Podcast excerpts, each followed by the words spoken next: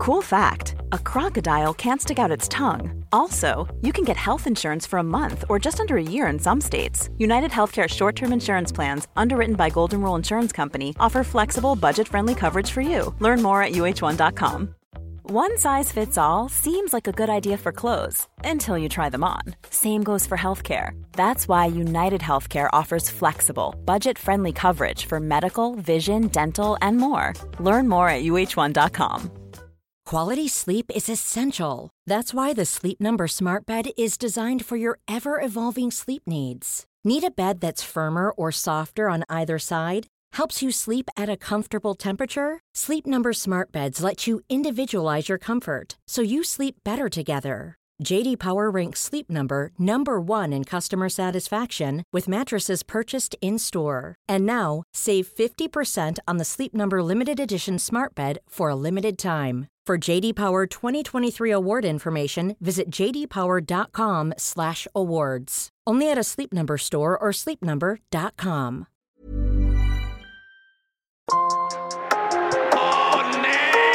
Skarpa straffar, olaglig maskering.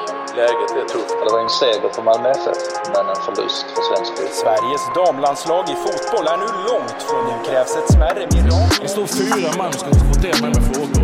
Fy fan vad det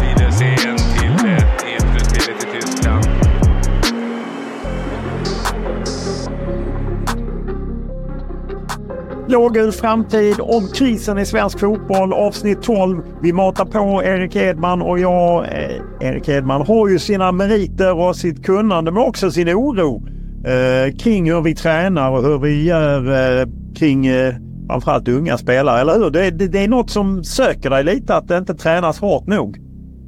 Hårt nog, bra nog är väl kanske det man tänker främst på med tanke på att eh, de swishar om oss. Eh, klart att nu har vi ju tjatat om Danmark flera gånger, i flera avsnitt här. Eh, Norge har vi tagit upp också som exempel. Det, det är väl framförallt den, den typen av frågeställningar som, som hade varit extremt roligt och intressant att få svar på. Och eh, man kan ju säga att eh, de har pengar i Danmark och Norge men jag menar att man kan träna lite extra. Det kostar inte att springa mer och, och det är faktiskt en del av de reaktioner vi har fått i mail och liknande som har lyssnat och de eh, lyfter just upp det och undrar hur mycket tränar vi i svensk fotboll. Då kommer ni få reda på i detta avsnitt. Men innan jag langar över till våra gäster så vill jag trycka på att har ni inte lyssnat på alla så finns det ju fler avsnitt, 11 avsnitt tidigare där vi berör en massa eh, områden. Kommer nya avsnitt även nästa vecka. Vi ska avsluta allt med där vi tar in väldigt mycket av era frågor i eh, nästa fredag. Skicka in frågor, gärna ljudvarianter på det, så tar vi något slags ring P1 där vi avslutar. Och sen är målet att vi ska ha någon slags debatt eller någon diskussion i slutet på januari. Så att eh, efter detta avsnitt 12 så kommer det tre nya avsnitt i, i nästa vecka. Så att, eh, men nu ger vi oss in i det här avsnittet som eh, är lite vetenskapligt baserat. Dennis Hörtin är chef över AIKs barn och ungdomsverksamhet. I det ingår att vara ansvarig för forskning och utveckling, utbildning av ledare samt för klubbens olika samarbeten med skolor och föreningar. Han blir därmed en nyckelperson när det handlar om att fostra framtida toppspelare. I ett AIK som numera väljer en något mjukare linje kring sin talangutveckling. Jag tycker att eh, eh, det finns en, en, en debatt att ha eh, gällande hur vi ska träna och, och hur mycket. Och, och, jag upplever att den debatten ibland kan bli ganska polariserad. Eh, jag kan uppleva att det liksom handlar om antingen så är fotbollen eh, någon form av saft och bulla-verksamhet eller så är det en hyperspecialiserad verksamhet. Jag tror inte att riktigt att någon av de utgångspunkterna är särskilt bra. Utan jag tror att vi behöver få ett samtal som handlar mycket mer om fotboll och där fotbollen blir central i, i liksom de här barn och ungdomarnas liksom, eh, ska man säga, ansats till, till just fotbollen. Eh, och att vi såklart pratar om pedagogik. Vi pratar om ledarskap och vi pratar om eh, alltså någon form av förväntansbild också, vad det innebär att delta i en fotbollsklubb. Eh, så jag tror att, att höja lägstanivån eh, tror jag är en game changer i, i nuläget. Det som är lite speciellt för eh, där du är aktiv i AIK är ju att ni har liksom forskning och utveckling. Det är ju sånt man kanske inte alltid förknippar med fotbollsföreningar och så. Hur kommer det sig att ni har eh, gått i den riktningen att, eh, att satsa tid och kraft och pengar på det? Jag tror att det började alltså för ganska länge sedan, för, för tio år sedan med, med dåvarande sportchef ungdom som eh, så tittade kritiskt på sin egen verksamhet, vilket jag tror är en sån nyckel, eh, nyckeldel i att såklart leda utvecklingen. Då kan man aldrig liksom riktigt vara nöjd med vart man är, utan man behöver alltid försöka hitta eh, saker man kan göra bättre, det vill säga titta sig själv i, i spegeln på något sätt. Eh, och Det upplever jag att AIK gjorde för, för en tio år sedan ungefär innan, innan jag var där. Eh, sen så tog man ju då ett beslut om att eh, skjuta upp selekteringen exempelvis, för man tyckte att eh, effekten det gav eh, varken var liksom man fick varken utveckling, alltså träff i spelarutvecklingen eller i välmåendet hos spelarna. Och, eh, sen är det såklart så att, att ta ett beslut om att skjuta upp just en selektering, det, det är ju ganska enkelt. Det svåra är ju sen hur, hur genomför man då det här? Eh, vad, vad, alltså, hur ska vi jobba med spelarna? Hur ska vi jobba med föräldrarna? Hur, vad har vi för syn på, på lärande och ledarskap och, och sådär? Det är snarare där, det senare där som vi försökte då undersöka genom att starta en, en forskning och utvecklingsavdelning under 2017. Eh, som, som sen fortsatt hette forskning och utveckling fram till 2022 och sen, sen vi har fått in en teknisk chef så ligger den avdelningen under något som heter utbildning och utveckling idag. Och, och man, jag gissar att det var Leffe Karlsson som eh, drev igång det från början som ju nu eh, lämnat eh, AIK. Just att han gick ifrån den här lite tidigare selekteringen som i vanliga andra eh, klubbar. Vad var det liksom som forskningen visade som kanske inte har spritt ut sig i, i hela fotbollssverige eftersom det just är lite polariserat? Ja, nej men jag, jag, tror att den nivå av analys att säga, som vi gjorde eh, kanske var lite mer ambitiös än vad som tidigare har varit fallet. Det vill säga, vi förstod att när vi selekterar barn så finns det, en, en, det finns synergieffekter på det. Eh, och De synergieffekterna kan vara goda eller mindre goda beroende på i vilket sammanhang man gör en selektering. Eh, så till exempel så har vi då eh, ett, ett samhälle där det handlar väldigt mycket om status, jämförelser. Eh, det ska, man ska se bra ut, man ska vara framgångsrik. Eh, och Det är klart då att om, om det är i den kontexten där vi sen som fotbollsklubb väljer att peka på vilka spelare som vi tror på och vilka spelare vi inte tror på, så får, så får det såklart en, en effekt i alltså det, det, bredare motivationsklimatet där det handlar mycket mer om att ja, men jag har den här rollen, jag vill inte förlora den rollen och därmed så gör man allting för att skydda sig själv. Och därmed så blir såklart lärandet och, och det hållbara i det eh, lidande. Eh, så, så, så de, de, parallellerna var ganska tydliga. Eh, I en av Eh, avhandlingarna som, som, som James Vaughan gjorde så fanns det ganska tydliga paralleller att dra just utifrån liksom en Stockholmskontext och, och vad en tidig selektering innebär då i form av välmående, lärande och så vidare. För den elitförberedande verksamheten, när selekterar ni? När börjar ni med er selektering?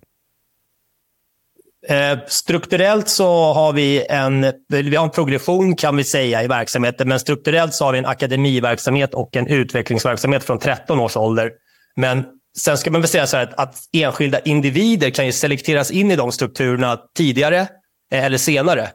Eh, så att, så att på, på, ett organisatoriskt plan från 13, men på individuellt plan så har vi kanske någon 11-12-åring ibland som, som är med då bland 13-åringarna. Så.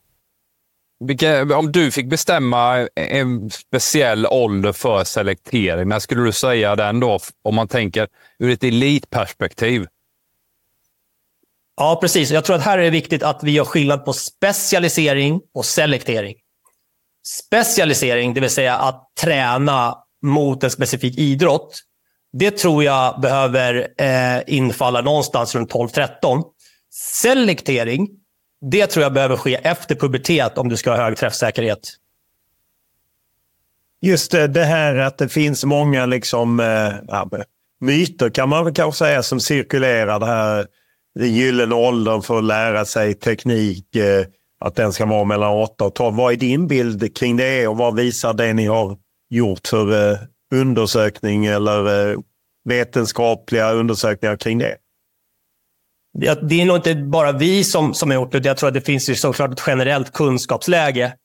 Eh, och, och, det är klart att det finns ju vissa eh, alltså, myter kan man ju såklart benämna det om man vill, men, men kanske liksom uppfattningar som, som kanske gällt under en viss period, men sen så uppdateras ju ett kunskapsläge och, och då behöver man ju eh, slappa upp det. Och där är väl exempelvis sånt som tidig selektering, tidig talangidentifiering, eh, gyllene ålder för teknikträning är väl typiskt sådana myter då, om man säger så, som, som kan få lite fotfäste. Och, och det är klart att om man då odlar en myt om att man tidigt behöver, behöver träna mycket organiserat och tränar instruerat, då uppstår ju också en marknad där för agenter och för eh, extra träningsföretag och massa sådana saker.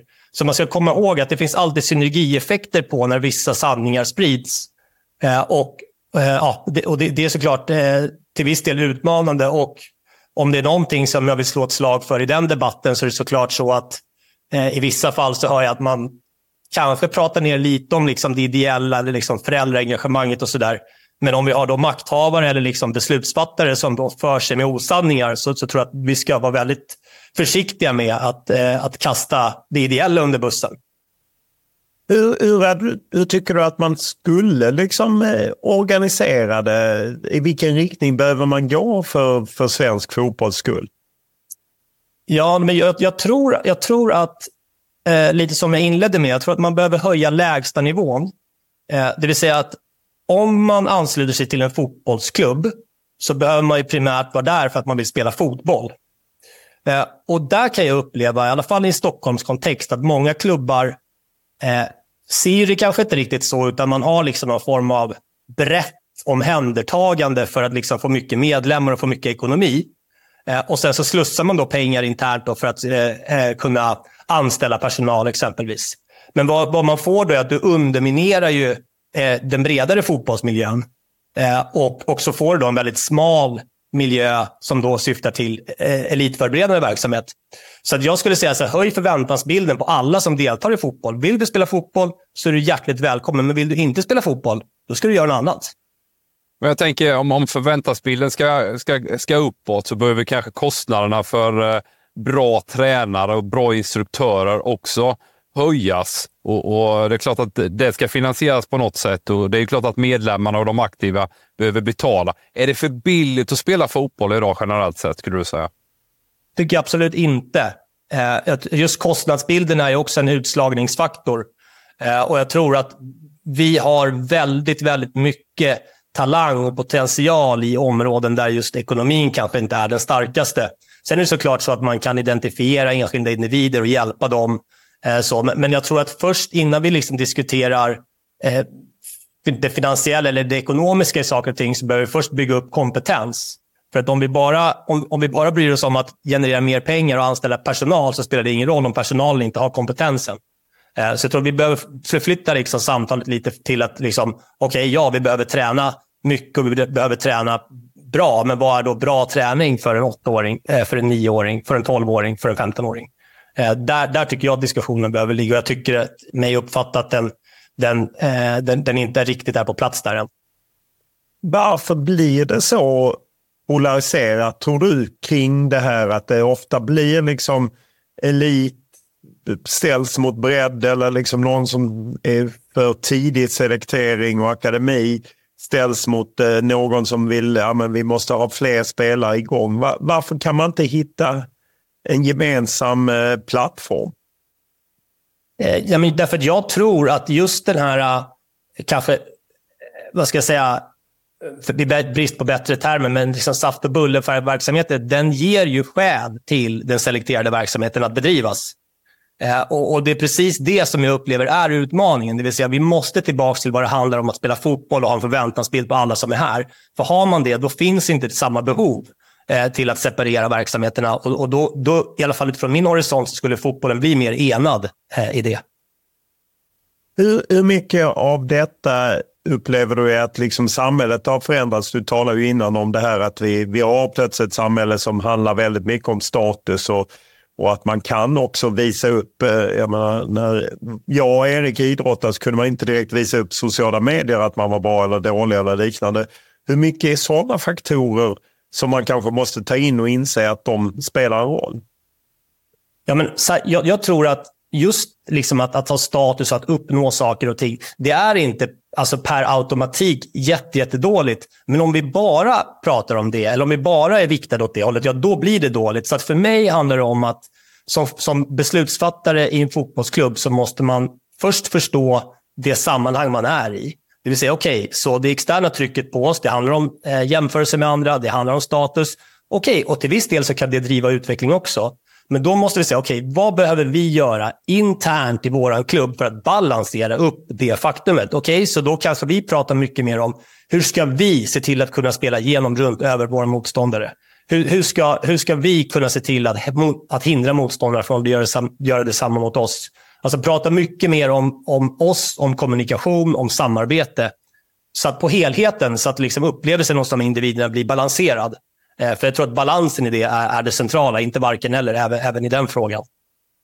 Upplevelsen utifrån från min sida är ju att man ändå att man pratar om det här mycket mer i, i svensk fotboll än vad man gjorde tidigare. Allt från liksom sent utvecklade till att ja, men det finns de här baksidorna med selektering.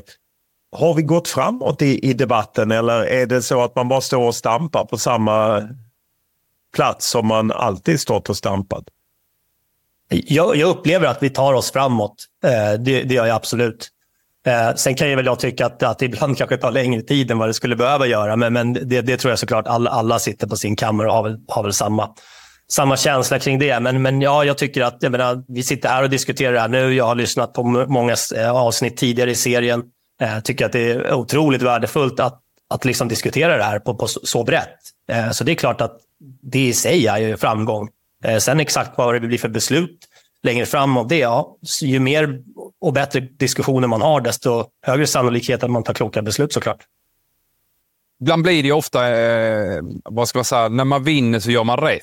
Eh, och liksom kunna stå emot det, Dennis, från en eh, perspektiv när man liksom tittar på utveckling för mig är det otroligt intressant att höra hur man resonerar kring att skapa ett prestationsklimat i en förening och framförallt på ungdomsnivå, egentligen även på seniornivå. Ja, alltså jag, eh, vi, vi är inte där än, men jag önskar att vi har samtal eh, i, i min miljö exempelvis kring hur kan vi involvera eller erkänna att föräldragruppen exempelvis är en väldigt stor del av vår utbildningsmiljö. Eh, och hur kan vi då få den gruppen att i högre utsträckning sända samma signaler som vi gör till spelarna? Eh, och, och, till exempel kan vi då eh, gör, göra eh, videoexempel av vår spelarutvecklingsplan och poängtera då vad vi värderar eh, i vissa faser av spelet eh, och, och sen utbilda föräldrarna i det. Så att föräldrarna i sin tur kan stärka det budskapet när de sitter hemma vid, vid köksbordet. Eller så. Då får man ju mycket, för att all, alla i och kring de här spelarnas värld, de vill ju dem väl. Problemet är att vi inte drar åt samma håll alla gånger. Och, och där tror jag att klubbarnas liksom ansvar är att se till att de, de grupper av, av liksom människor, både internt och externt, som man, som man når närmast, de behöver man också involvera och, och inkludera för att få, få, så många som möjligt att dra och peka i samma riktning. Då, då tror jag att vi får bättre träff i spelarutvecklingsfrågan. Var skulle du lägga ansvaret för en spelarutveckling? Jag menar, man kan ju prata om förbund och man kan ju prata om att eh, exempelvis AIK är ju del av eh, Stockholms distrikt. Samtidigt är ni också del av svensk elitfotboll, elitfotboll dam och så finns det ju då ner till föreningen. Var, var placerar du ansvaret för att det här går framåt? Ansvaret ligger först och främst på eh, de som träffar spelarna. Eh, så. Sen är det såklart så att de gör ju det i en miljö och den miljön leds ju då närmast kanske av en sportchef i klubben. Eh, sen, sen är det såklart en styrelse på det eh, och sen så kommer ju distrikt eh, specialförbund. Eh, så jag skulle säga att, att man, alltså, ansvaret är distribuerat. Eh, men ju högre upp i den här eh, hierarkin man kommer, desto viktigare blir det att man sänder ett, ett, ett, ett budskap som, som bottnar i någon form av kunskapsläge. Att man inte börjar eh, fara med osanningar eller tänja på kunskapsläget för att främja eh, något annat. Då. Där, så, så där känner jag att det är, det är viktigt eh, att man skickar, att man inte sprider byter och att man, att man, eh, har, att man bottnar i kunskapsläge. Upplever du att det finns, att man inte talar sanning helt enkelt i någonstans i den här strukturen? Det är ju det jag reagerar på. Nej, inte, inte, inte tala sanning, men det finns ju organisationer som såklart är, är rena intresseorganisationer. Eh, och, och, det är klart att de, de intresseorganisationerna driver sina frågor och jag har ingenting emot det. Eh, däremot så kan det ju vara utmanande om det är eh, bara intresseorganisationerna som får, som får driva en agenda. Eh, och, och, och, istället för att det finns eh, kanske då ett, eh, ja, vi kan prata klarspråk, men SEF som pratar för elitklubbarna och sen så har du liksom ett, ett gäng andra klubbar då. Eh, och, och där, där upplever vi väl att, att man behöver kanske åsidosätta enskilda intressen om vi ska prata för svensk fotbolls bästa. Går det att resonera om vilken typ av spelare vi får fram i Sverige idag? Jag tänker, eh, tittar man på A-landslaget till exempel så upplever jag en viss typ av förändring mot det offensiva. Är det någonting som du ser på ungdomssidan också, eller hur ställer du upp på det? Ja, det, det är jätteintressant. Jag, jag, jag håller med dig och jag, jag tror att även, även det kan man också liksom dra en parallell till just det samhälle vi är i. Jag menar, och, och, och så, så här, hur, hur, många highlights ser man på mittbackar som gör bra aktioner eller som interagerar väl med sin, med sin ytterback eller som stänger en yta eller som aldrig ens behöver gå in i en nickduell för att man redan har snackat bort situationen med, med sina innermittfältare. Det, det är sällan highlights på det, utan det är highlights på personer som har eh, coola frisyrer eller eh, gör snygga bicykletamål. Och det är klart att det formar intentionen bland spelarna och även bland tränarna. Så det är klart att även där menar, menar väl jag då liksom att det formar Eh, det spelarunderlag som vi har. Eh, å andra sidan finns det ekonomiska incitament. Alltså, offensiva spelare säljer man för mer pengar än defensiva spelare. Så det finns också en, en sån eh, faktor i liksom hela systemet. Eh, och, och, och, sättet att arbeta med det skulle jag säga, det är att klubbarna vet om de här faktorerna och sen så här, ja, men hur jobbar vi då eh, för att få fram en annan typ av spelare? Om, om det är intressant för svensk fotboll, vilket, vilket jag tycker att det är. Ja, men hur ska man träna då i någon form av elitkontext och på ungdomsnivå för att få fram bredare spektra i alla fall av olika typer? Jag hävdar att det har att göra med, med pedagogiska principer. Och, och återigen, om, om myten sprids att man tränar enskilt, isolerat, tekniskt, så skapar vi inte heller förutsättning för att interaktionen med andra är det centrala i, i vad vi behöver lära oss. Så jag tror att fotbollsklubbar behöver ha en pedagogisk modell som i allt väsentligt stärker oss och relationer och kommunikation och samarbete. För att det är också en, eller jag skulle säga att det är en större del av fotbollen än en bicykleta i krysset. Eh, tolkar jag dig rätt om du inte tycker att man ska köra extra? Det är man ju på något sätt eh, hör mycket om att spelare kör på egen hand och, och, liknande. Att man kan satsa lite pengar för att man tror att det ska ta en framåt. Att det är egentligen bättre att vara med i något kollektiv än att lägga pengar på någon som ska eh, drilla en i vissa saker. Ja, precis. Jag tror att det där är såklart individuellt. Sen tror jag att vi behöver också göra en distinktion för om spelarna redan är professionella eller om det är kanske i 16, 17, 18 års ålder eller om vi pratar barn. Eh, jag skulle säga att barn eh, har absolut enligt mig inget behov av att föräldrarna lägger dyra pengar på eh, en typ av hyperspecialiserad träning för de åldrarna där vi vet att det innebär snarare eh, risk för skador eh, längre fram och dropouts. Så det tycker jag inte man ska göra. Däremot om man som eh, proffs kommer hem en sommar och känner att man vill lägga pengar på att eh, mysa ute på bostad med, med några kompisar och köra, det är självklart. Eh, så, att, så ja, det finns nyanser i det här också såklart om man tittar på strukturen, om man återvänder till det, liksom svensk elitfotboll är ju på något sätt en part i, i, i det hela. Men om man säger att Svenska fotbollsförbundet är liksom övergripande. Nu gör ju de en ny organisation med Kim Källström som fotbollschef och eh, två tekniska direktörer som ska liksom jobba med den här frågan. Hur upplever du att det kan bli för svensk fotboll och att man faktiskt får kanske några som ideologiskt kan stå för någonting, att det är dit vi ska gå? Ja, nej, men det, det, kan nog bli bra. Sen är det väl såklart så att om man, det, det blir lite en svängning på logiken, det vill säga att det är en demokratisk rörelse och där rörelsen i sig ska göra förflyttningen. Här centraliserar man i så fall den förflyttningen. Eh, och Det finns ju såklart ett, ett kunskapsläge kring det också. Oftast är det så att centraliserar man någonting så ökar effekten på kort sikt, men, du, men den effektiviteten i det på lång sikt uteblir.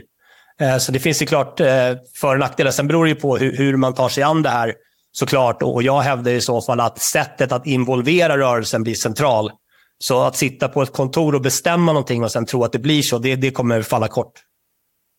Eh, om man tittar på eh, föreningar, tycker du att de ska tänka när de tar fram liksom kanske en identitet för vad föreningen ska stå för, en metodologi som ska på något sätt driva dem dit. Hur, hur, hur ska man agera? För alla är ju, det finns ju på något sätt hela skalan från AIK och andra stora klubbar neråt till mindre föreningar. Ja, jag, jag tror att varje klubb behöver undersöka sin egen kultur lite och se exakt var, var kommer vi ifrån och, och, och och, och, så att det, det, man gör behöver rimma väl med, med det sammanhang som man liksom verkar i. Och, och för AIKs del så, så har vi ju eh, en identitet som vi benämner smokingliv med skruvdopp Som såklart eh, omhändertar liksom hårt arbete och tacklingar och sådana saker. Samtidigt som vi gillar att vara i kluriga situationer. Vi, vi, vi gillar att spela med viss elegans. Och, och när man då vet om vilken identitet vi har då kan man också sen anpassa de metoderna som vi använder i klubben för att då främja det. Eh, ett, ett exempel kan vara att vi har just omställningens första sekund i ett sånt karaktärsdrag som, som vi pratar om. Men om vi då inte har konsekvens exempelvis i vår träningsmiljö, det vill säga att vi när beteende i omställningens första sekund, så kommer vi ju bara ha någonting på papper men inte faktiskt jobba med det för att det faktiskt ska ske. Eh, och de parallellerna eh, tycker jag är extremt viktigt att man klarar av att göra om man ska utveckla en metodologi som, fast, som är förankrad i klubbens identitet och som, och som också faktiskt har träff hos spelarna. Hur får man ut det till då om man både har så att säga det du kallar saft och bulle, men kanske föräldrar eh, och kanske det som är då mer akademi eller mer specialiserat. Hur, hur får man ut det så att det sitter hos alla? One size fits all seems like a good idea for clothes until you try them on. Same goes for healthcare. That's why United Healthcare offers flexible, budget friendly coverage for medical, vision, dental, and more. Learn more at uh1.com.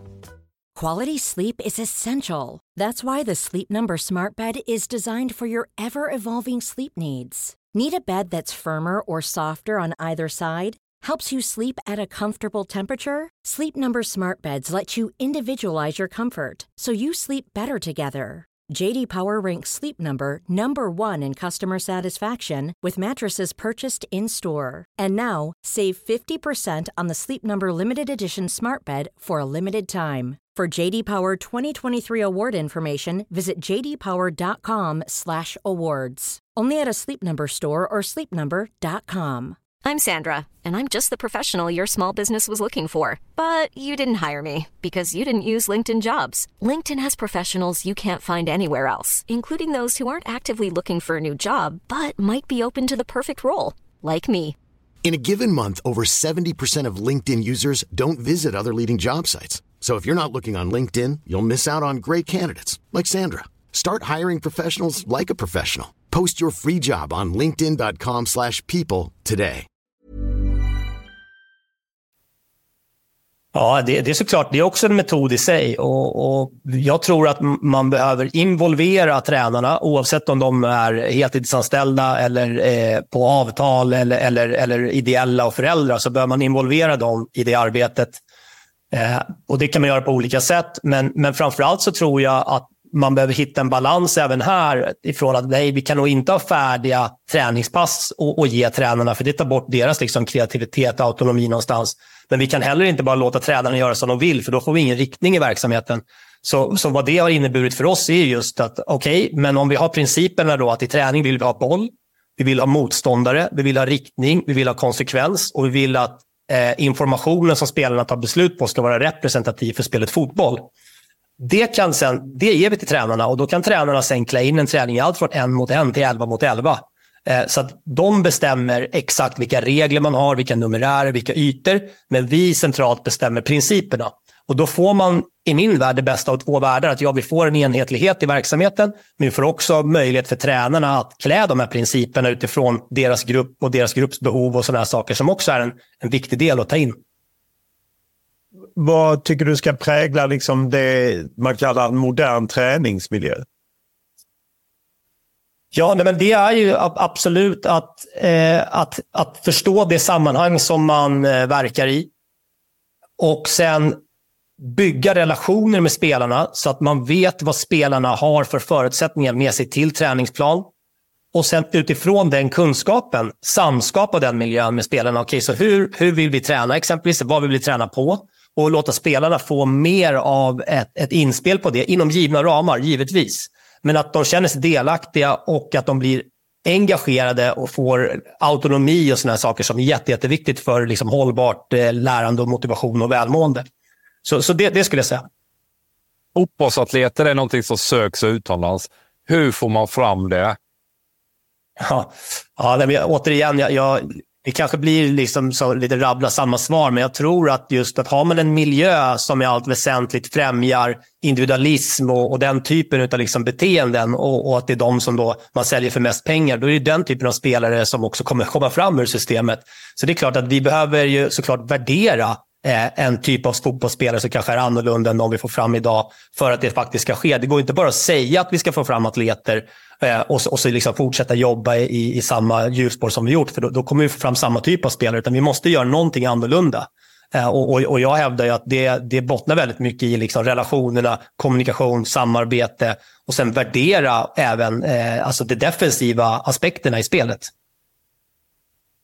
Om man eh, tänker sig att man eh, tränar på ett visst sätt eh, och att, att man kanske då i Sverige inte får fram tillräckligt med fotbollsatleter som Erik pratar om. Vad, vad kan man göra? Är det att man ska hålla på med fler idrotter? För samtidigt pratar du om att man behöver specialisera sig vid 13 års ålder och så. Hur, hur höjer man den nivån i, i svensk fotboll? Det, det är en jättebra fråga och jag, jag försöker väl alltid säga sådär att det, finns, så det ska vara upp till spelaren. Det ska, det ska vara upp till spelaren. Jag tror inte att ett förbund eller ett, ett antal förbund eller Riksidrottsförbundet eller en klubb ska diktera att till exempel alla tioåringar ska spela flera idrotter. Eh, det, det, tror jag inte. Däremot så tror jag att, att föreningar ska ge möjlighet för alla att spela fler idrotter och det tror inte jag riktigt är samma sak. Utan vi har en förståelse för att det finns de som multiidrottar, de måste få göra det. Eh, vi har också en förståelse för att det finns de som bara vill spela fotboll och då behöver vi göra det på ett sätt som, som är, är eh, genomtänkt för en given ålder. Eh, och sen såklart från 13 års ålder, ja då, alltså, väljer man då att specialisera sig, ja, då innebär ju det att fotbollen då i så fall blir en huvudsport, att man tränar året runt och att den aktiviteten är prioriterad. Men det är, det är ett val som spelaren ska ta och vara medveten om vad det också innebär.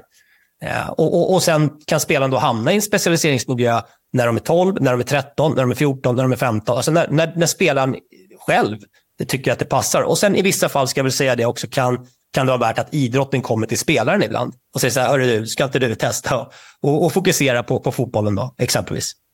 Vi har ett samhälle som har förändrats. Det är mer stillasittande idag. Eh, jag tänker där, hur rustade är unga spelare för hård träning? Jag tror att hård träning måste bottna i att man har en hög motivation för aktiviteten. För har man inte en hög och inre stark motivation för den aktiviteten så kommer man inte orka igenom det. För det krävs otroligt mycket, framförallt efter pubertet. Eh, alltså 16, 17, 18, 19 års ålder med skolgång och allting. Att liksom verkligen orka igenom den perioden. Då måste du ha en enorm kärlek för det du gör. Och, och Det innebär att då måste du också tänka så okej, okay, vad har spelarna upp till 15 års ålder för erfarenhet? Eh, har de, får de möjlighet i den pedagogiska modellen att driva saker själv, att få autonomi, att kunna påverka, att kunna ta beslut själv? Eh, ja, hos oss så, så hävdar jag att de får det. Och och får man då det så ökar också sannolikheten för att de förstår att de själva kan påverka. De behöver inte att träna genom dem alla svar alla gånger. Och då ökar också sannolikheten att man också kan ta med sig fotbollen och börja spela spontant exempelvis. Så att allt det här hänger liksom ihop. Att om vi när en bild för spelarna att de måste vara på en organiserad verksamhet där tränarna har alla svar, då är det klart att, vi, att det är mindre sannolikhet att spelarna spelar spontant. Så, så jag tror att även där behöver man liksom förstå sammanhanget som man verkar i och, och, så klokt som möjligt utveckla sina metoder för att främja spontanfotboll. Just att det har eh, en del akademiska arbeten som ligger till grund. Vilken trygghet ger det när man gör olika förändringar eller sätt att arbeta? Och vilka arbeten tycker du har varit viktiga för er att känna att vi kan ta den här riktningen eh, för AIKs ungdomsverksamhet? Jag, jag tycker verkligen att uh, vår egen, den doktoreringen som James gjorde kring att undersöka vår sociokulturella, sociokulturella sammanhangen kring Stockholmsfotbollen har i min, för, för mig i alla fall, tydliggjort vissa utmaningar och därmed gjort det ganska mycket lättare att hitta vilka metoder vi ska använda internt för, för att liksom komma åt det. Så, att, så det, det, är ett upp, uppenbart, eh, alltså, upp, uppenbart eh, så att, att vi får liksom goda, goda grunder för beslut genom att göra på det här sättet. Sen finns det ju även eh, såklart and, andra delar. Vi har till exempel eh, eh varit nere i eh, Barcelona på en konferens 2017 där vi skrev ihop ett abstrakt där vi försöker förstå våra klubb och våra spelare och våra lag som med en viss filosofisk utgångspunkt. Och har man då samma filosofiska utgångspunkt så blir det också mycket lättare att hitta in i vilka metoder vi ska använda eh, för att liksom, ja, ta oss framåt. Så jag, jag skulle säga att det är eh, centralt i, i, i de diskussionerna. Hur mycket kan du efterlysa ännu mer forskning? Att man skulle gå in och titta på ännu mer saker kring det här för att verkligen veta vad man gör och inte gör när man förändrar? Ja, jag, jag, tror att det, som, det som vi måste också konstatera och, och, det är att sammanhanget vi försöker förstå är väldigt, väldigt komplext. Det är väldigt, väldigt föränderligt. Så när man efterfrågar liksom forskning och bevis så ska man vara lite försiktig. För att bara för att du får ett utfall någonstans så betyder inte det att du kan återupprepa samma sak för att få samma utfall. Därför att saker och ting förändras så mycket. Så att, jag menar, i, i, i en, kanske en kemiverkstad eller liksom en bil, bilverkstad så, så har du processer som du kan återupprepa för att få samma utfall. Men i mänskliga system så kan man inte riktigt göra det. Utan, utan det enda man kan göra är att se till att man har så god information som möjligt. Och, och det gör man genom att undersöka sig själv. Ja, och, och, och sen utifrån det ta, ta kloka beslut. Så. Sen är det såklart att det finns kanske bredare mönster som man kan resonera kring. Men det är väldigt, väldigt farligt att tro att man kan kopiera en lösning från ett annat land eller från eh, en annan miljö, kultur eller, liksom, eller bara en grannklubb eh, för, att, för att få ja, träff. För det pratar vi ju ofta om att man ska åka någonstans och lära sig, inspireras. jag menar, jag och Erik har ju själv suttit och frågat ja, men var, är det Portugal, är det Nederländerna? Men du menar att så ska man egentligen inte riktigt göra för att det är väldigt svårt att inympa eh, en Johan Cruyff-modell eh, kring eh, Skytteholm exempelvis. Ja, nej, men precis. Men, men det är inte sagt att man inte ska vara nyfiken. och så Man, man måste titta vad gör andra och, och 100% med på det. Men lika viktigt som det är så är det också att undersöka sin egen miljö och, och förstå att vilka metoder vi väljer att göra måste rimma med vårat sammanhang. Och, och, och, där tror inte jag att, att eh, exempelvis Portugal, som många tar som exempel, eh, är särskilt överförbart. Eh, det systemet ser väldigt annorlunda ut. Eh, på något sätt så blir ju fotbollen mer och mer vetenskaplig om vi talar data, hur man tittar på matcher och allt så. Alltså, hur är det att hantera det? För som det också är, är det ju precis som du säger väldigt komplext och det är många människor och, på plan och, och hur man ska göra. Alltså, hur, hur mycket data kan man använda? Hur försiktig ska man vara med data och eh, vetenskap? Ja, nej men, ja, precis. Alltså, allting har ju ett utfall eh, och så kan man mäta det utfallet. Men om vi då säger exempelvis att mest assist sker i, i golden zoner eller i assistzonerna här. Eh, Okej, okay, men om då eh, försvararna börjar att täcka upp de ytorna mer, då kommer ju den assistzonen förflytta sig och sen vara någon annanstans. Så att man kommer liksom aldrig ligga före genom att kunna mäta ett utfall, utan vi kommer kunna ligga före genom att förstå den underliggande dynamiken och utifrån det sen jobba med spelare så att spelarna blir adaptiva i att identifiera vart en given assistyta uppstår i ett givet läge. Eh, så, så jag, jag, skulle mer försöka liksom eh, egentligen frångå det här med liksom att hitta svar eh, och istället erkänna oförutsägbarheten i spelet och jobba utifrån det. Hur mycket jobbar man ihop med andra klubbar? Hur, hur generös är man med att dela med sig av information och liknande i, i svensk fotboll? Och, för ibland är det ju det man hör att både i Danmark och Norge att de jobbar eh, väldigt tajt ihop och att man lyfter fram det som en framgångsfaktor om man nu ska kopiera något från någon annan. Hur, ser du på det att, att jobba ihop, att prata med Malmö FF eller BP eller vem det nu må vara? Ja, jag, är bara, allt, jag är för det hur mycket som helst. Och, alltså, alla som någonstans har frågat mig eller frågat AIK kring de, de arbeten som vi gör, vi sprider ut dem med, med glädje och, och delar med oss så gott, så gott vi bara kan. Eh, sen är det återigen så att så här, bara för att vi har liksom ett sammanhang och vi har tagit vissa beslut så det är inte heller ett svar för någon annan heller. Men det kan ju hjälpa någon att att öppna ögonen för en viss typ av fråga eller eh, för en viss typ av arbetssätt. Eller, alltså, jag, så jag är jätte, jätteöppen och AIK också såklart för, för det. Nu var det ju Leif Karlsson som gjorde det, men vad är din bild av hur mottogs liksom förändringen i AIK som ju ändå var anmärkningsvärd i, i Stockholmsfotbollen när ni ändrade kring selektering och man kan också tänka att styrelsenivå så vi tar fram en viss spelare, det är tryck att sälja spelare. Hur, hur har det varit genom åren? Är det någon som ifrågasätter och tycker att ni ska gå tillbaka? Vi borde ha liksom akademi från eh, sju års ålder. Ja, nej men så här, vi är idag väldigt trygga i den struktur som vi landade i. Sen är det såklart så att i vardagen så uppstår ju mycket friktioner. Vi, vi noterar såklart att det finns en viss kategori föräldrar kanske som blir lite stressiga. Eh, men allt det här var redan del av den analysen som vi gjorde med lite hot och lite svagheter så där i, i, eh, i den förflyttningen. Så jag tycker att inget av de utmaningar vi har mött har varit, eh, liksom tagit oss på sängen. så. Eh, och i, i dagsläget så upplever jag att, att vi blir mer och mer mogna i den eh, strukturen. Och, och, det är klart att vi hittar på sätt att jobba specifikt mot 10 och 11-åringar som, som liksom någonstans driver mot specialisering, men, men utan att för den saken skulle selektera en verksamhet. Så vi, vi, vi är verkligen inne i nyansen och, och grottar där nu och jag tycker det är superintressant. Finns det någon skillnad hur man behandlar pojkar, flickor, eh, killar, tjejer eller är det väldigt mycket samma eh, metoder så att säga?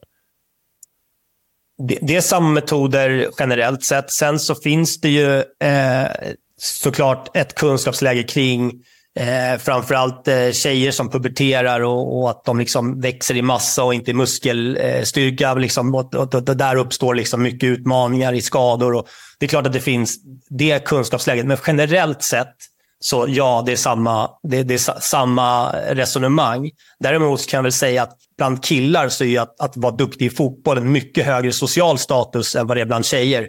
Och, och, och det är en skillnad och då behöver man såklart bemöta det på, på lite olika sätt. Om du hade haft eh, ja, några nycklar för svensk fotboll och svensk talangutveckling, vad hade varit viktigt att, att ta till sig för de som är involverade? Ja, nej, men jag tror att det är förmågan att slita sig fri från den här polariseringen. Eh, jag, jag, tror, jag tror det är vår absoluta nyckel. Alltså, vi måste slita oss fri från, från bredd kontra elit. Och så här, vi, vi, måste prata om, om fotboll, vi måste prata om lärande, vi måste prata om pedagogik. Vi, vi måste liksom orka ha den diskussionen. Eh, och, och, Det vill ju till då såklart att organisationer anställer personal som kan ha den typen av diskussioner. Eh, och där jag kan väl tycka, om man ska vara lite vass, att, att svensk fotboll har en tendens att anställa väldigt mycket administratörer om man säger så. Och kanske inte lika mycket fotbollskompetens. Dale Reese har ett imponerande CV i svensk fotboll. Amerikanen, som har titeln idrottsskadeterapeut, figurerade i landslaget redan under Olle Nordins tid som förbundskapten i slutet på 80-talet. Och nu senast hade han en central roll i Janne Anderssons landslag under flera år. Dessutom har han arbetat i klubbar som IFK Norrköping och Helsingborg.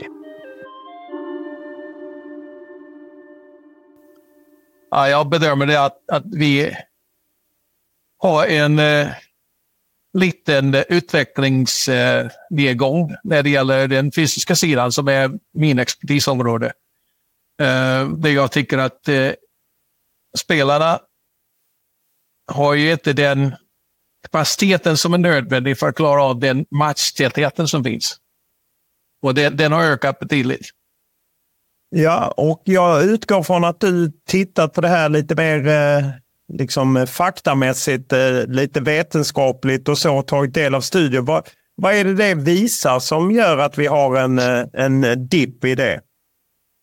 Ja, om man tittar på en, en sak som hur många matcher vi spelar då, så, så ligger det en, en snitt på mellan 55 till ända upp till 72 i allsvensk fotboll. Beroende på om man är med i Europacup eller inte, eh, hur många cupmatcher man har varit inblandad i och så vidare. Då, så att den spannen är ganska rejäl. Och om, du, om man tittar på antalet matcher per, eller träningar per match, eh, då ser man ju att den siffran går ju ner. Alltså vi har tre träningar per, så vi har att förbereda oss inför en match. Och på de tre träningarna så måste vi göra en återhämtning. Eh, vi måste göra en fysisk träning så att vi kvarhåller den aktiviteten vi har och sen så måste vi förbereda oss för nästa match. Så att det har blivit kortare och kortare tid och återhämtningen har blivit en större och större bit. Det som man kanske kan se då är ju att återhämtningen har inneburit i svensk fotboll med att man, man ska vila. Och eh, om man tittar på andra länder så pratar man om en aktiv vila. Eh, där man gör olika fysiska saker som inte påverkar, eh, påverkar deras fotbollkunnande. Och det tycker jag då att det är någonting som vi måste börja komma med. Och sen har jag tittat även på ungdomssidan, där vi tittar på deras matchtäthet i förhållande till hur många träningar de har. Och eftersom de tränat lika många gånger som vi gör och de som försöker komma upp i A-truppen, de får alltså en matchtäthet som överstiger egentligen en A-fotbollsspelare. Och de bryter ner sig själva. Och vi måste alltså göra någon form av kraftansamling där vi hjälper de här ungdomarna att komma upp i form så att de kan klara av det som en A-lagsverksamhet eh, innebär. Hur medvetna är man om detta i, i svenska klubbar? Det har ju helt och hållet med, med hur klubben har för en eh, medteam runt omkring, hur tränarna eh, samarbetar med medteamen, eh, Eh, med teamen, samarbete med fysteamen. Så att det, det är en liten komplex och man ser de lagen som klarar av ett rejält bra samarbete, de som lyckas väldigt bra. Så att det, det har, har, mycket med hur, hur man samarbetar sinsemellan. Jag tänker på det här med, med, med barn och ungdomar och hur, hur liksom träningståliga de är. Finns det studier som är gjorda om man tittar tillbaka på, på 20 år tillbaka i tiden jämfört med, med den typen av tålighet man, man har idag på barn och ungdomar? Ja, det, det är antagande. Jag har inte siffrorna i huvudet, eh, men man, eh, om man tittar tillbaka 20-25 år tillbaka då så hade man en annan aktivitetsgrad både i skolan och i, i vardagen. Och med den digitala, digitala världen som vi lever i, då har alltså den aktivitetsgraden minskat. Och det innebär ju då att eh, ungdomarna har blivit mer specialiserade på det de gör. Och den specialiseringen har inneburit ett antal eh, skador som jag kan se det, alltså överbelastningsskador och annat, eh, eftersom de har inte eh, den bredden som är nödvändigt för att klara av en, deras eh, aktivliv. Hur ser man till att svensk fotboll får fler fotbollsatleter som har eh, kroppar som klarar att spela fotboll på elitnivå och klara av träningen? Och det är precis det som, som eh, jag håller på med. är att, att jag vill etablera någon form av baseline där vi kan se då bara en vanlig sak som aktiv rörlighet i förhållande till passiv rörlighet. Hur bra är den? Eh, och de har en dålig rörlighetsförmåga. Då kan man bara tänka sig hur när de springer eller när de skjuter så använder de ju skelettet och deras tillväxtzoner på ett, ett sätt som kanske inte är lämplig. Och då måste vi alltså hjälpa dem att kunna se. Och det har vi normvärdena på vad en normal ungdom ifrån, ända från 12-årsåldern då ska ha för aktiv i förhållande till passiv rörlighet. Sen går ju alla barn genom någon form av Bambi-story som jag kallar det. Det är alltså de håller på att växa mycket. Det är alltså musklerna och skelettet stämmer inte överens med varandra. Eh, och det får man ju ett antal ungdomar som slutar idrotta på grund av att de blir ineffektiva. Och då blir de ju på grund av att de tycker inte de klarar av det som de gjorde innan, eh, slutar med sin idrott och går till något annat. Och det, det, har mycket med utbildning att göra, hur bra ledarna är och tåliga. Och ser man ju då att de kommer in i en sån här och man har en baseline på vad de ska kunna göra, då är det mycket enklare för både en tränare och en ledare att prata med den ungdomen och säga att det här är helt naturligt. Eh, vi hjälper dig genom det här, för det kan ta upp till sex månader ibland när man, när man håller på som värst i tillväxten. Och missar man det, har man inte kunskap kring det där, då, då hamnar de i ett, ett läge där de, alltså, ja, de trivs inte längre med vad de gör. Jag utgår ändå från att liksom utmaningar som det digitala samhället och sånt, det är ju knappast bara Sverige som ställs inför det. Vad, Finns det några länder där man hanterar detta bättre och där kunskapsnivån är högre? Ja, jag kan kika bara på eh, Island till exempel har ju då gått ner med professionella tränare till ganska låg ålder i, i, om man tittar bara på fotboll som sådan. Eh, och där kommer ju en ungdom ut som är mer utbildad i vad det innebär att idrotta och träna och underhålla sin, sin kropp. Och det tycker jag är ganska viktigt. Eh, och det ser man i andra, i andra länder, deras akademier och sånt där. Då, det, det är ju, de har lika stora organisationer som A-laget. Bara titta på det du är nu i England eller eh, Belgien och andra länder. Där är deras akademier en, en, en grogrund för både försäljning av spelare eh, men en utveckling av eh, spelarna med, i klass. Var ligger ansvaret för detta? Är det på den enskilda föreningen eller är det distrikt och Svenska fotbollsförbundet? Eller var, var liksom ska man placera ansvaret för att eh, faktiskt utbilda och, och, göra det här bättre?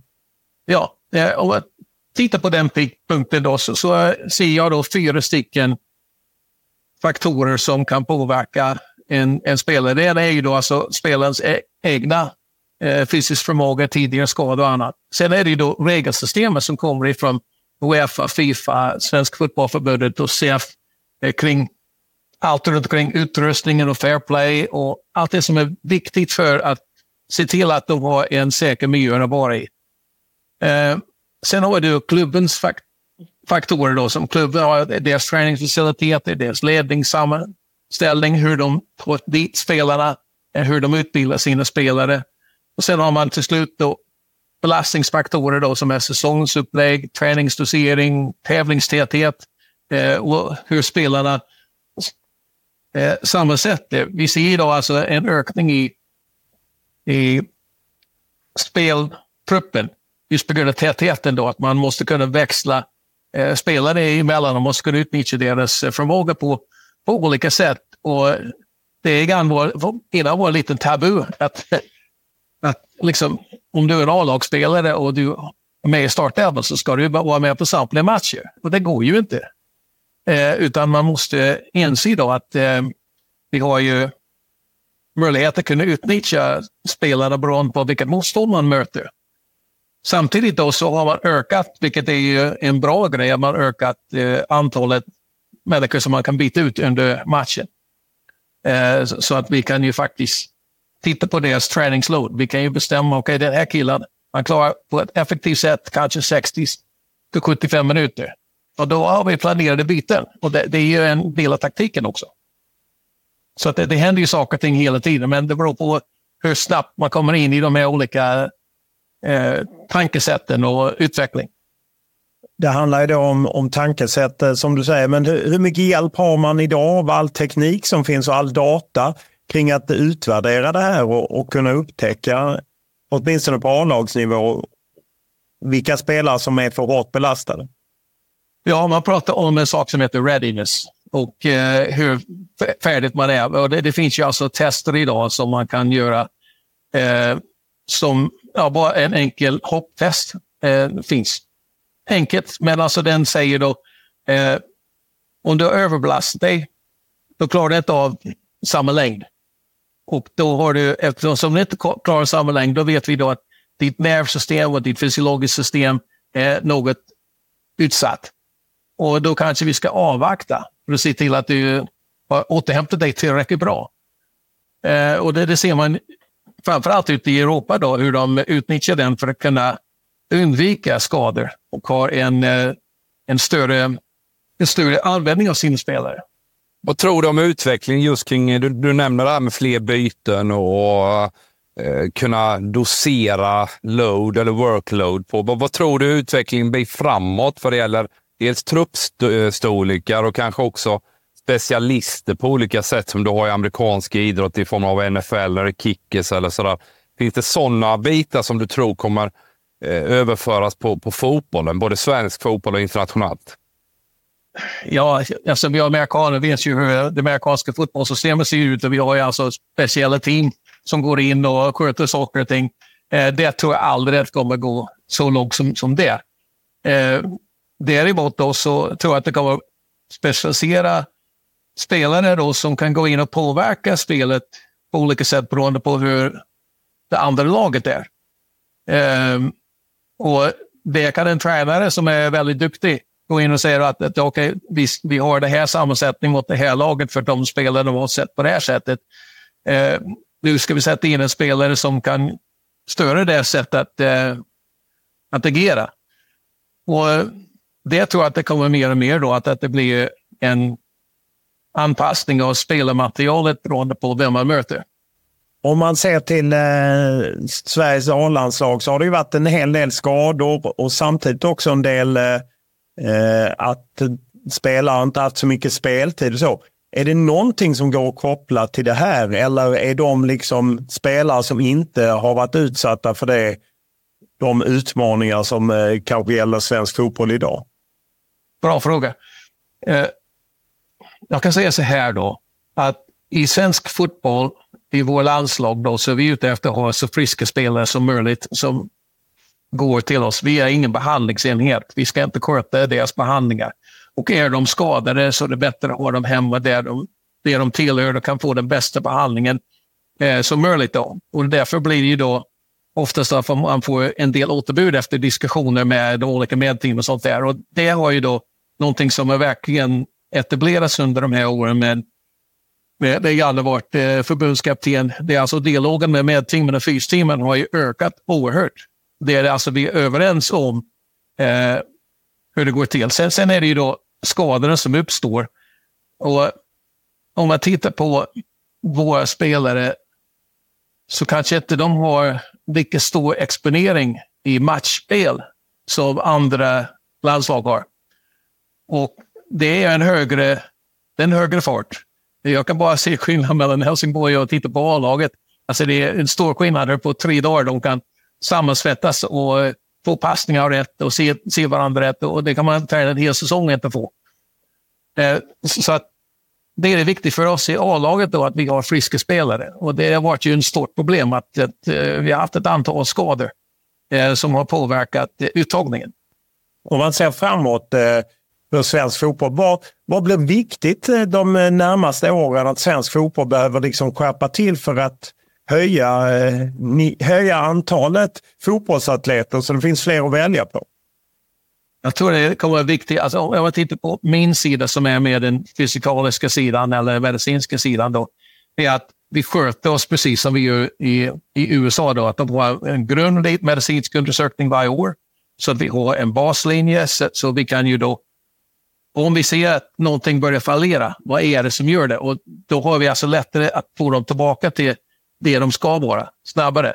Eh, samtidigt då, så när man gör en sån här, vad vi kallar för en funktionsundersökning eller en kroppsbesiktning, då är vi ute efter att hitta de fem felen.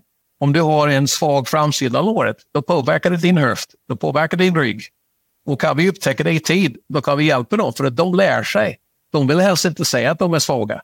Och kan vi objektivisera det och sen hjälper dem att bli eh, bättre, då blir det mindre kompensationer. Och de, antalet eh, som har minskat angående kompensation för att de har någon liten felkälla kan ju då öka eh, deras eh, förmåga. Så att det ser jag då en stor, eh, stor hjälp för svensk fotboll. Jag tänker där i skolan nu, eh, de undersökningar jag har tagit del av och läst, så är det kondition och liksom fysisk aktivitet som har gått ner ganska markant de senaste 20 åren. Bra VO2 maxvärde, kommer det vara en spetsegenskap i framtiden tror du? Det beror på vilken idrott du pratar om, men om vi pratar om fotboll då, så är det faktiskt en eh, blandningen mellan hur man hanterar mjölksyra eh, och återhämtar sig från en, eh, en hög mjölksyrahalt. För det är det som många start och stopp. Och när du gör snabba ryck då gör du det utan syre. Och då hjälper din VO2 max att återhämta dig ifrån den eh, maxbelastningen. Så desto bättre grundkondition du har, desto mer aktioner du kan göra då med hög fart. Och det, det är någonting vi verkligen ser, ser emot. Och det kan man titta på att eh, när man tar GPS, vi tittar på antalet eh, meter som de gör i eh, sprintfart i förhållande till hur mycket de gör i en högerfart. Vi har fem olika zoner som vi brukar titta på hastigheter i, i löpning eller gång. Och då märker vi då att, eh, ser vi då att och det är väldigt positionsanpassad, eh, ser vi då att, att eh, en forward gör 300 meter i, i eh, sprint under en match och vi ser en back som gör 100, då är det ganska bra. Men om man tittar på hur mycket de gör i hög fart, ja, då kan det vara 300 i sprint och sen så 600 i, i hög fart. Och då är det 900. Och, och på en match som är oftast 13 kilometer lång, kan tänka sig då, det är inte mycket. Och vi har ju ganska mycket igång under tiden då, så att vi har ju ganska stor potential att kunna utveckla vår förmåga. Om eh, du är en ung talang, kille eller tjej som vill satsa på fotboll, vad skulle du tycka var viktigt för dem att tänka på när det gäller det fysiologiska? Ja, det skulle vara någon som kan ge dem en, en bra utbildning, en fingervisning av vad som är normalt och inte normalt. Oftast så ser jag då ungdomar som kommer in och de har ingen aning om eh, hur det är att belasta sig. De, de upplever de är begränsade av att de har inte kunskap att det här är inte farligt. Och det är ju, det tycker jag är ganska viktigt, men det har med hur välutbildade eh, fys-teamet fysteamet och, och tränarna är. Eh, hur mycket man belastar. För att jag menar, om ett, en ungdom säger då att, att ja, jag orkar inte. Och det kan ju vara då att de orkar inte för grund av att de vet inte att de orkar. Och det, det kan ju vara en stor hjälp med just hur man eh, hjälper dem med sin, eh, sin kunskap. Och där har ju fotbollsgymnasiet annat en väldigt stort ansvar.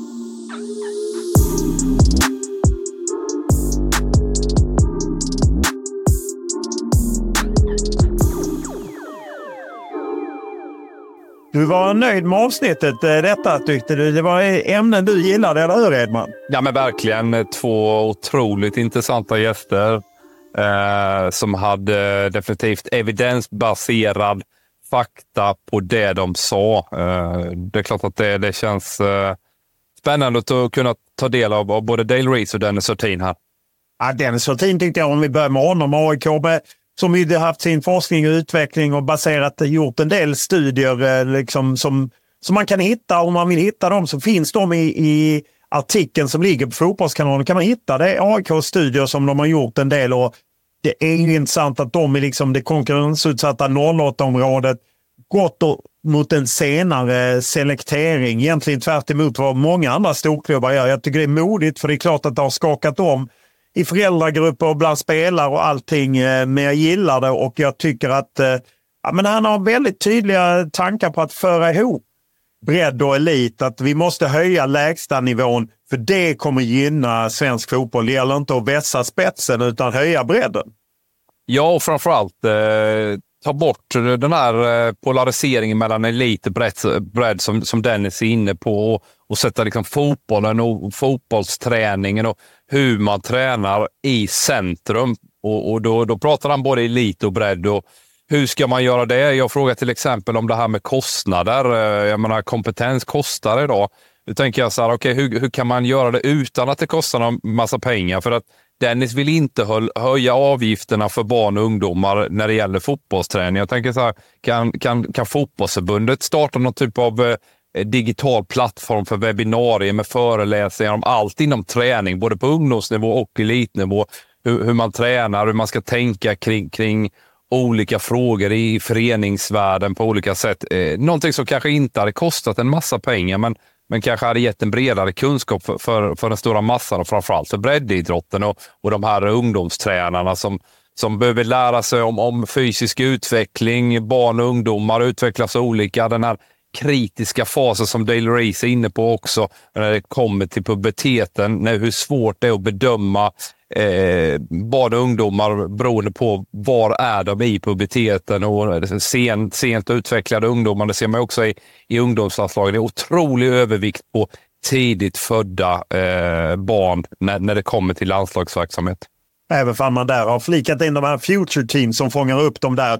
Så att där har ju förbundet faktiskt efter många om och men fångat upp någonting. Jag tyckte det var intressant att höra Den Sartins syn på det här som fotbollsförbundet gör Han säger att eh, det kan bli bra liksom.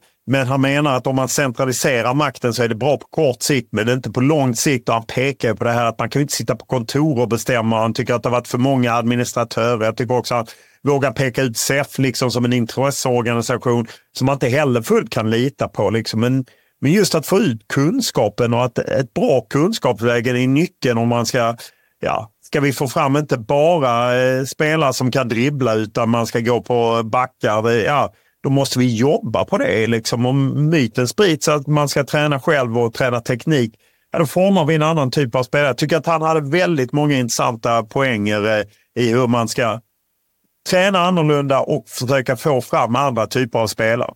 Ja, jag håller helt med dig där. Det var, det var flera konkreta exempel just utifrån eh, den här typen av trend som, som finns idag. Landslagsspelare och ungdomsspelare som är otroligt skickliga offensivt, men eh, har brister i det defensiva där vi inte premierar det på olika sätt eh, i samma höga utsträckning som man kanske gjorde tidigare när man tittade mer på ett kollektiv. Man tittade också på försvarsstarka spelare. Det råder brist på i svensk fotboll idag, de här riktigt skickliga försvarsspelarna. Ja, och han, eh, du frågade om det här med fotbollsatleter och han sa att då behöver vi liksom värdera atleterna för att vi ska få fram fler. Alltså, att det måste göras lite bredare tag. Vi kan inte liksom bara värdera allt det här och tycker det var intressant också att höra deras eh, eh, den ja, men, akademiska uppsatsen om status och, och, och liknande i, i, deras område. Nej, det är, finns väldigt mycket att, att lära samtidigt som man också tar upp det här att det, det är ju lättare att göra vetenskap på en ja, bilverkstad eller ett laboratorium än i fotbollsvärlden. Det är ju lite svårare helt enkelt. Men eh, jag tyckte det var mycket intressant att, att, att lyssna på Dennis Hurtin och också lite hoppfullt. Dale Reese, eh, även där, eh, jag menar just att han att unga på något sätt på väg upp, de kan bryta ner sig själva och att det är väldigt viktigt med tränare som har kunskap och att liksom de som klarar det bäst, tränar medicinska teamet, fysiska teamet, de som klarar bäst samarbeta, det är de som lyckas bäst. Ja, just det där övergripande, att, att um, ha en helhet inom föreningen. När man, eh, att att eh, föreningar har en, har en, övergripande syn på verksamheten. Att eh, alla lag från A-laget och neråt samarbetar på olika sätt när det kommer till att skicka spelare upp och ner. Det var ju också en sån framgångsfaktor. De som har lyckats väl, de, de har också varit väldigt skickliga just på den typen av saker. Ja, och han menar ju också med att han tog Island som ett exempel med att de går ner med väldigt utbildade tränare långt ner i åldrarna, vilket gör att spelarna känner sina kroppar bättre. Likadant i akademier i många länder. Och att då unga spelare lägger en bra grund. För jag tycker också det var intressant att han, han lyfter ju risken att man liksom kör slut på sig själv när man som ung spelare ska upp i A-laget. Men han lyfter ju också det här med att de inte vet hur hårt de kan träna. För att de liksom vet inte riktigt vad som är normalt. Det finns ingen baseline som han pratar om. Att, att, ja, men man vill ju, ja, de behöver jagas på också. Ja, definitivt. Och framförallt det här eh, hur man kan, kan liksom utbilda unga eh, spelare och unga människor rent generellt kring, kring kroppens utvecklingsområden och hur man eh, ser på utveckling och förstår utveckling eh, eh, vad det gäller liksom, eh, eh, träning i allmänhet. Det tror jag också är en sån viktig, viktig bit för unga människor att förstå. Alltså kost, vila, eh, återhämtning, träning, alltså den symbiosen och de samspelen som, som måste till för att den här utvecklingen ska kunna ta plats. Och eh, som den som team var inne på också, att det är inte mycket hjälp om man är en 10-11 år att man köper någon specialtränare som ska drilla finter eller något liknande, utan det är något för mycket äldre om man är kanske utlandsproffs och vänder hem och köper Bosen. Det ska man hålla sig ifrån helt enkelt. Eh, ja, eh, det är avsnitt 12 då av eh, vår serie Blågul framtid om krisen i svensk fotboll. Kom med era reaktioner olof.lunda.tv4.se eller så hittar ni både mig och Erik Edman på X och vi kommer om då nästa vecka på fredagen samla ihop det med något slags Ring P1 avsnitt. Skicka in era frågor eh, eller inspel och eh, gärna i ljudformat så klipper vi in det och så ska vi se till att stänga till det. Så att, eh, men det kommer ytterligare avsnitt måndag, onsdag, fredag och som sagt det finns 11 avsnitt innan detta.